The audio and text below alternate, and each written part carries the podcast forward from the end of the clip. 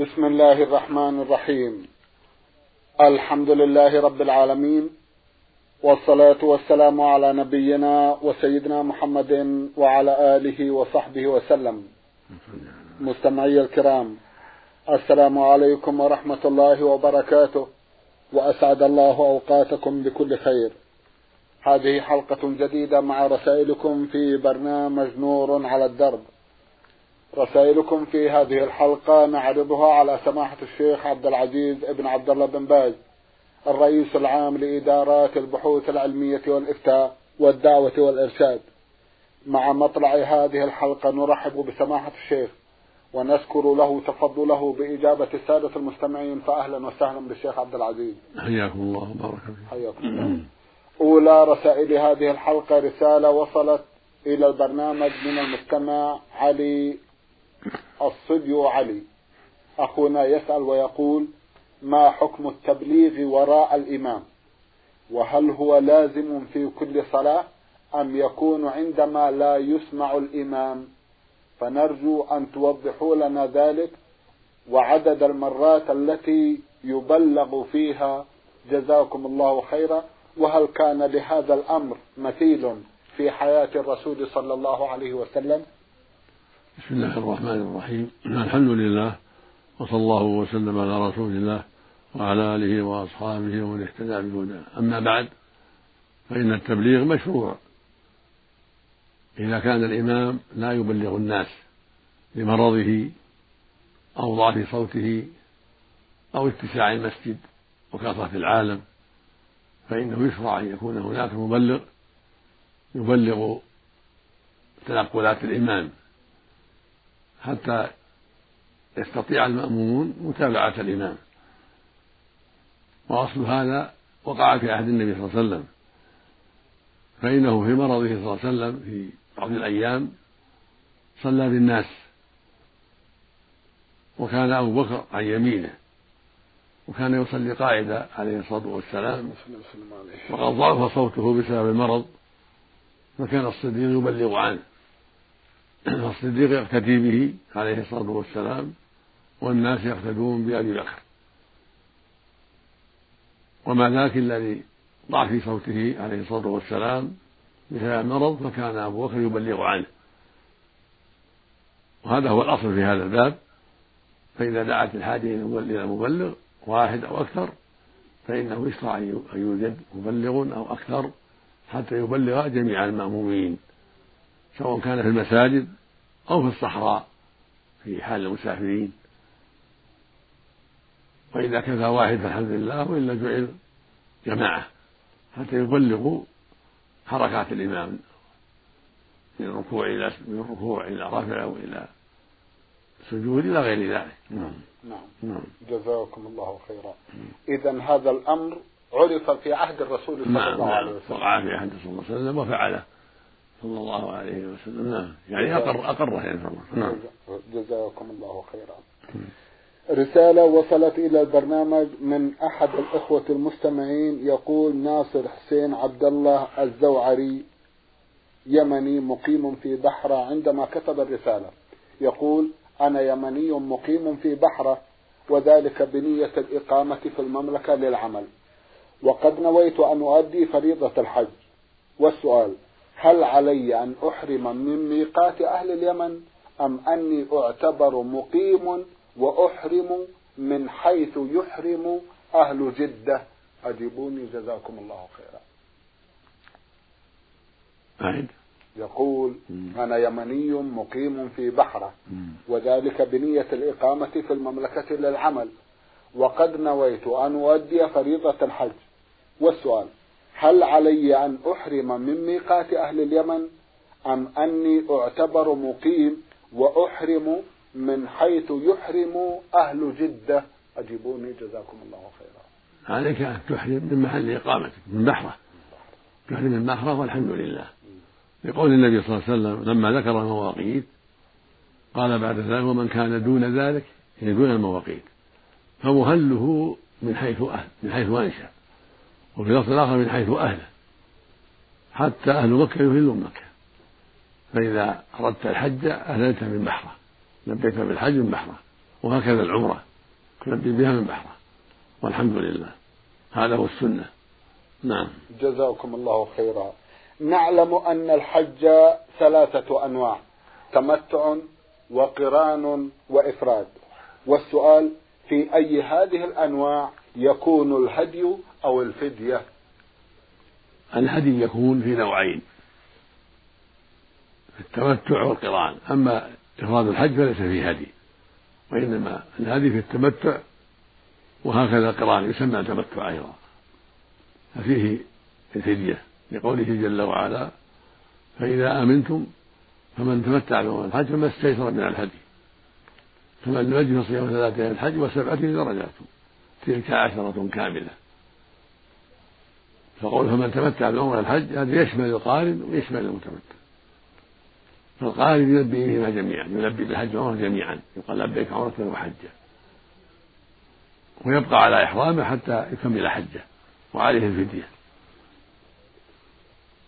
والمتمتع يلبي بالعمرة ثم يطوف ويسعى ويقصر ويتحلل. يقال له متمتع يعني تحلل من عمرته. والقارن يبقى على إحرامه حتى يحل من حجه وعمرته جميعا يوم النحر.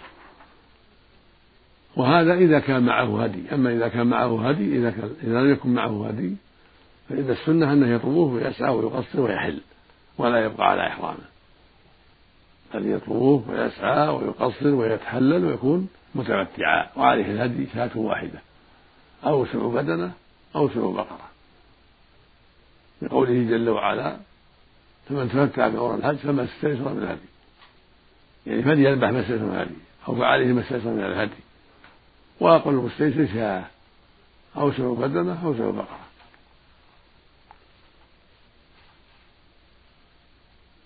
والفرق بين المتمتع والقارن أنه إن حل من عمرته سمي متمتعا. وإن بقي على إحرامه ولم يحل سمي قارنا.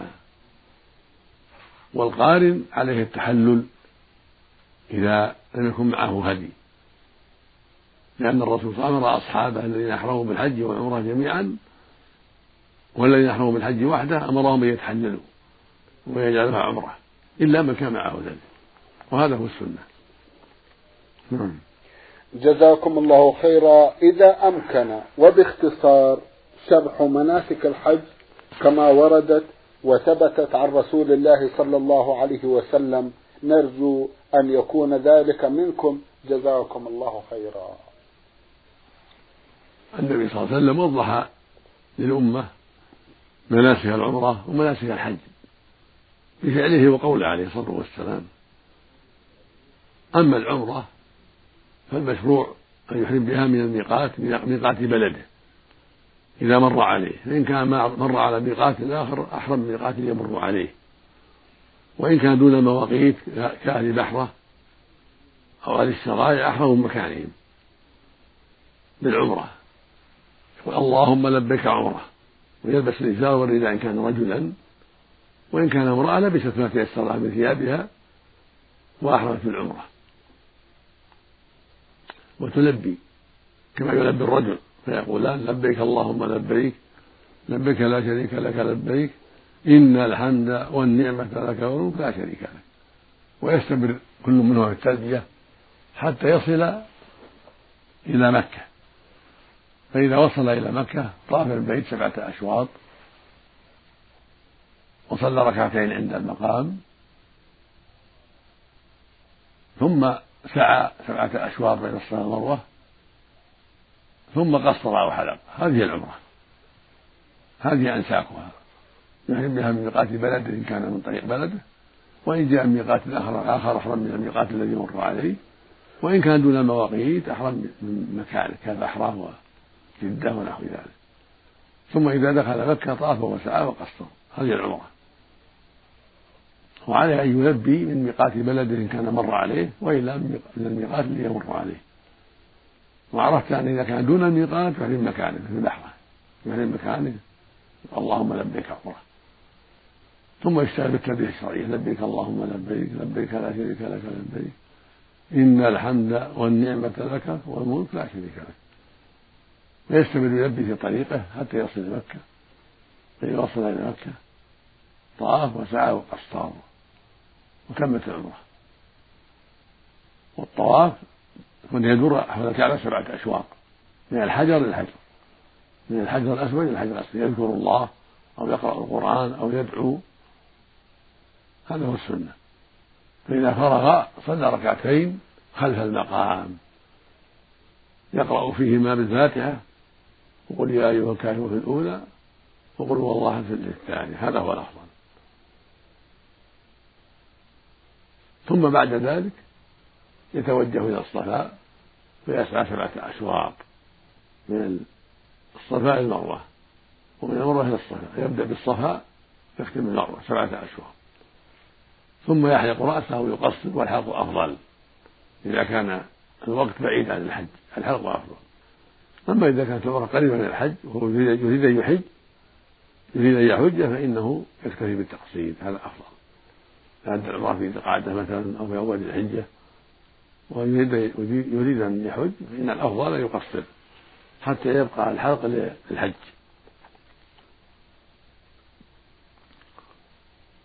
والحج مثل ذلك. إذا أراد الحج يحرم من ميقات إن كان مر عليه أو من الميقات اللي يمر عليه. وإن كان دون ذلك أحرم من محله من محله من البحرة ونحوها من حج. ولبيك حجة. ويشتغل بالتلبية الشرعية. لبيك اللهم لبيك لبيك لا شريك لك لبيك. إن الحمد والنعمة لك والملك لا شريك لك.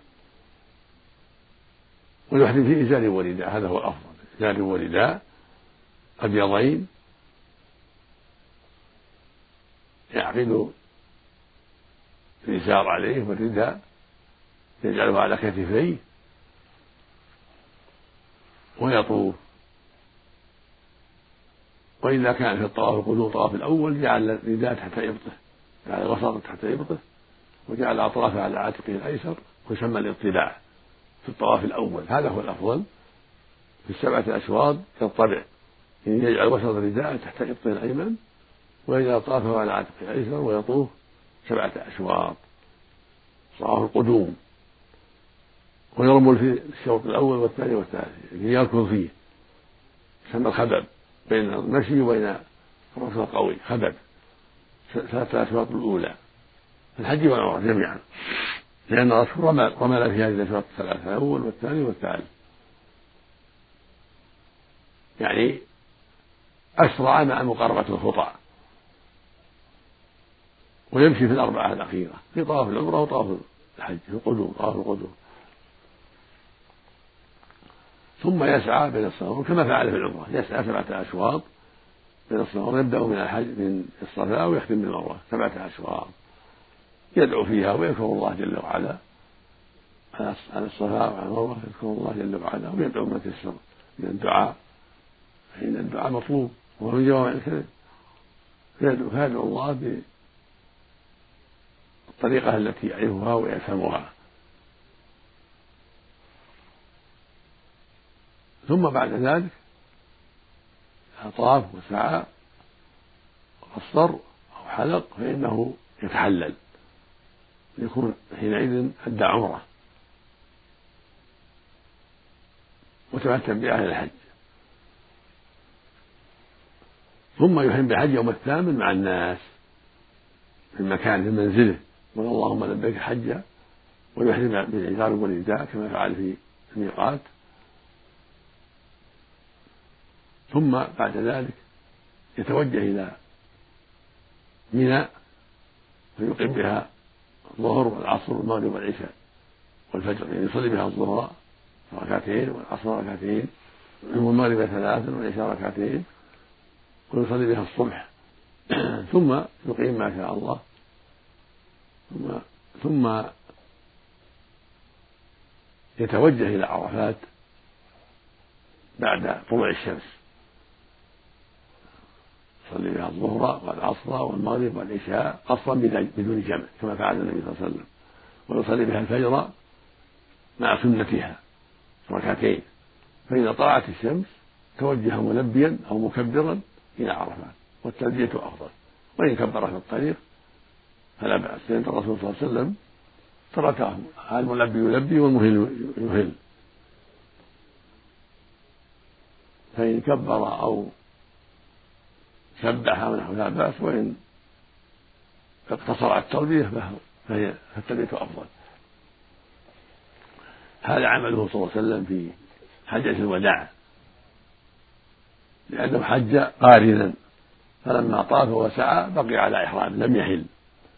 طاف ورمى في الطواف الأشواط الثلاثة ومشى في الأربعة واطلع عليه الصلاة والسلام في طواف القدوم وجعل وسط الرداء تحت الأيمن وعاتقه على عاتقه الأيسر وطرفه على عاتقه الأيسر واستمر مطبعا حتى كمل الطواف.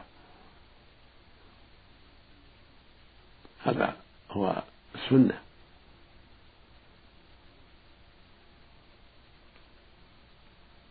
وبقي على إحرامه لم لم لم يتحلل لأنه معه الهدي. قد أهدى والمهدي لا يتحلل يبقى على إحرامه. يطوف ويسعى ويبقى على إحرامه. ويطلع في طواف القدوم كما سبق. في العمرة والحج جميعا يطلع بجعل وسط ردائه تحت يده الأيمن وأطرافه على عاتقه الأيسر. أما الرمل فهو في الأشواط الأول فقط وهو مسارعة في المشي مع تقارب الخطى يعني يخب حتى يكمل. والسنة أنه يستلم الحجر الأسود ويقبله في كل شوط يبدأ به أولا فيستلم بيده ويقبله كما فعله النبي صلى الله عليه وسلم.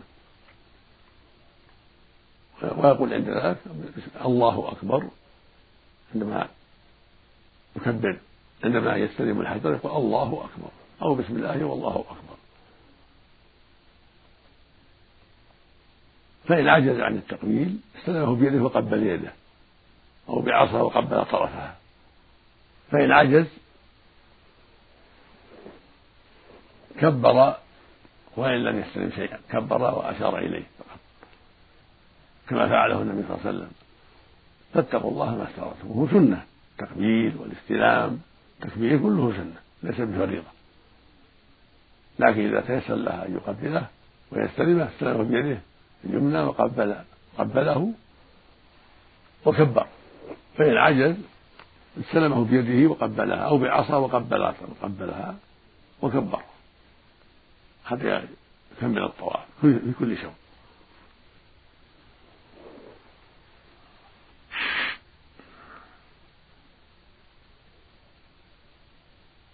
ثم بعدما يقف بعرفات بعد الزوال يوم عرفة. الناس يجتمعون في عرفات ويقفون بها يعني يجلسون فيها. ذاكرين مهللين داعين مستغفرين. اللي في خيمته واللي خارج خيمته. يدعون الله ويضعون إليه. حتى تغيب الشمس. وهم في عرفات في دعاء وذكر. وقراءة القرآن يرفع يديه ويدعو كما فعله النبي صلى الله عليه وسلم.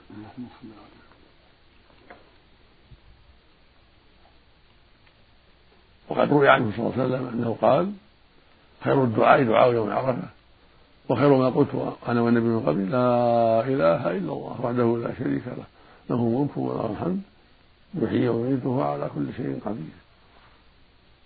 فالدعاء في يوم عرفة مشروع والإكثار من الذكر. مشروع كما فعله النبي عليه الصلاة والسلام.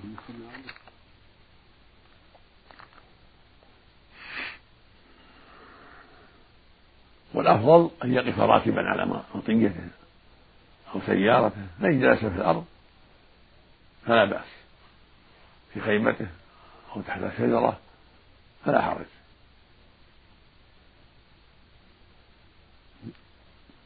وذلك بعد ما يصلي الجمع. يذهب إلى عرفات بعد ما يصلون الجمع ركعت الظهر ركعتين والعصر ركعتين. في عدد واحد وإقامتين يصلون لها بعد الزواج مباشرة كما فعله النبي صلى الله عليه وسلم. صلى الظهر ركعتين والعصر ركعتين بأذان واحد وإقامتين ثم يتوجه الحجاج إلى عرفة. يلزم كل حاج جزءا من عرفة لا يخرج عن عرفة. حتى تغيب الشمس.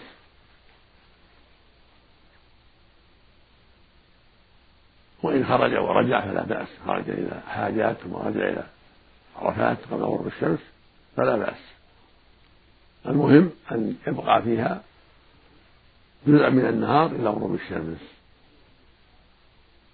لهذا يؤدي الواجب ولكن إذا وقف بعد صلاة الجمع واستمر وصبر على طول الوقوف كان أفضل وأكمل.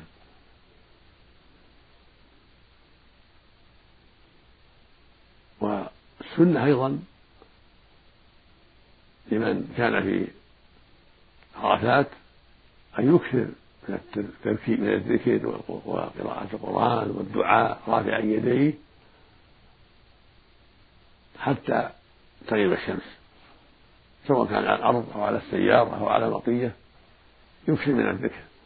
كما فعله النبي صلى الله عليه وسلم. فإنه بقي على دابته حتى غابت الشمس يذكر الله ويحمد سبحانه وتعالى.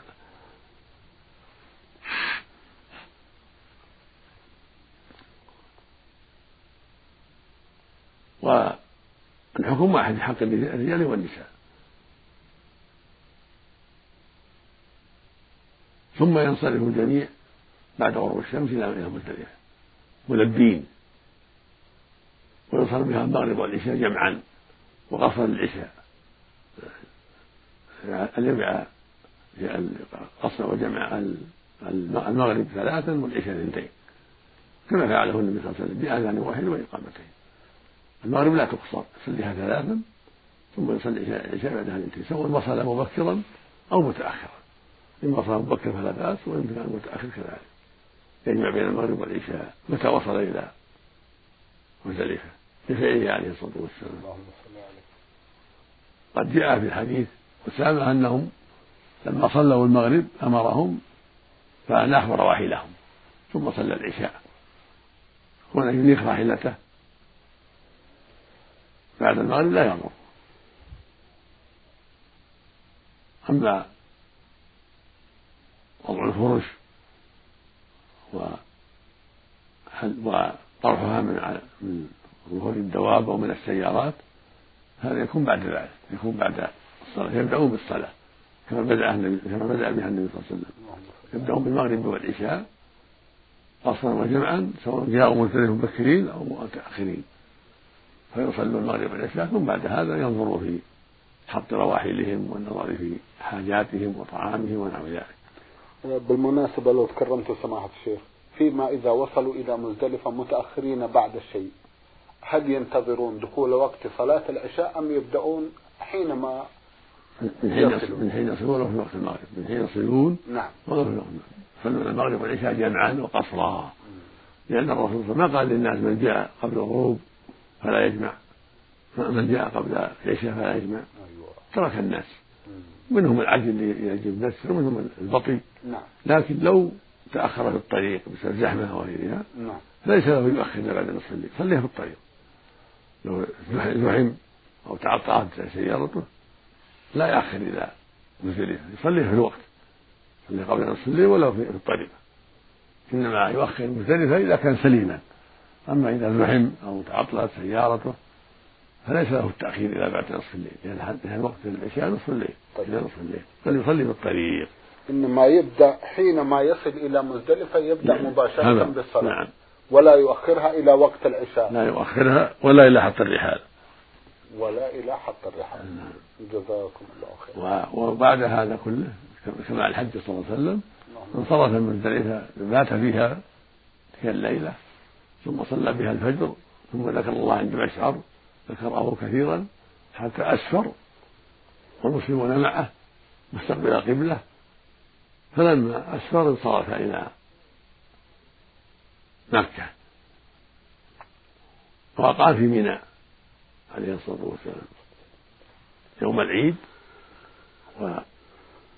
والحادي عشر الثاني عشر والثالث عشر. يقصر ولا يجمع صلي الظهر في وقتها والعصر في وقتها والعشاء في وقتها والمغرب في وقتها. هذا هو الأفضل. لأنه مستريح ليس عنده زحمة. ودخل صحوة يوم العيد بعدما رمى الجمرة وطاف عليه الصلاة والسلام. لأن عليه طواف لأنه قارن الطاف وسعى قبل ذلك ما بقي عليه إلا الطواف. فلما رمى الجمرة يوم العيد ونصح الناس ووعظهم دخل بعدما حلق وطيبته عائشة وطاف طواف الإفاضة يوم العيد. رمى يوم العيد ثم حلق ووزع شعره على الصحابة ثم طيبته عائشة ثم نزل إلى مكة عليه الصلاة والسلام. فدل على أن بعد الطواف وبعد الرمي والحلق يتحلل بالطيب ويتأخر الطواف. لأنه لما رمى وحلق صار متحللا تحل الأول. ولهذا طيبة عائشة رضي الله عنها ثم توجه إلى مكة فطاف طواف الإفاضة فلم يسعى لأنه قارن والقارن كالمفرد. يجزي سعي واحد وقد سعى عند طواف القدوم فأجزأه ذلك. فمن فعل فعله صلى الله عليه وسلم فقد أصاب السنة. إذا جمع إذا جاء يوم العيد ورمى الجمرة بسبع حصيات جمرة العقبة وحلق أو قصر فقد أصاب النسك. وإن كان عنده هدي ذبحه بعد الرمي. ينحر الهدي بعد الرمي كما فعله النبي صلى الله عليه وسلم. يرمي ثمرة ثم ينحر ثم يحلق ويقصر والحلق أفضل. ثم يطيب ويتحلل ثم يذهب إلى مكة للسعي سواء كان السعي عن تمتع أو قران أو إفراد لكن كان قد سعى مع طواف القدوم نعم. أجزأه نعم. في القران نعم. وفي الإفراد ويبقى عليه سعي التمتع إذا كان متمتعا. أما إذا كان ما سعى مع طواف القدوم فإنه يسعى بعد طواف الإفاضة في يوم العيد أو بعده. لأن الرسول طاف طواف الإفاضة ولم يسعى لها قد سعى قبل ذلك. وعائشة لما لما كان لم تسعى بسبب الحيض أمرها بالطواف والسعي يوم العيد. وهكذا كل إنسان أحرم بالحج أو بالقرآن ولم يسعى مع طواف القدوم فإنه يسعى بعد طواف الإفاضة يوم العيد أو بعده. وأما المتمتع فلا بد من سعيه بعد طواف بعد طواف الإفاضة لأنه أفرد الحج أو أفرد العمرة أولا وانتهى منها ثم أحرم بالحج فصار كل واحد على حدة فالعمرة لها طوافها وسعيها والحج له طوافه وسعيه. جزاكم الله خيرا. ثم من تمامه أنه رمى الجمار أيضا في الحادي عشر والثاني عشر والثالث عشر على سبع سبع. نعم. قبل بعد الزوال. نعم. يرمي الجمار كذا. كل جوره بسبع حصيات. بعد الزوال يكبر مع كل حصاه في الحادي عشر والثاني عشر والثالث عشر. لأنه لم يتعجل عليه الصلاة والسلام. كان يكبر مع كل حصاة ودعا عند الأولى. جعلها يسار ووقف استقبل يدعو طويلا.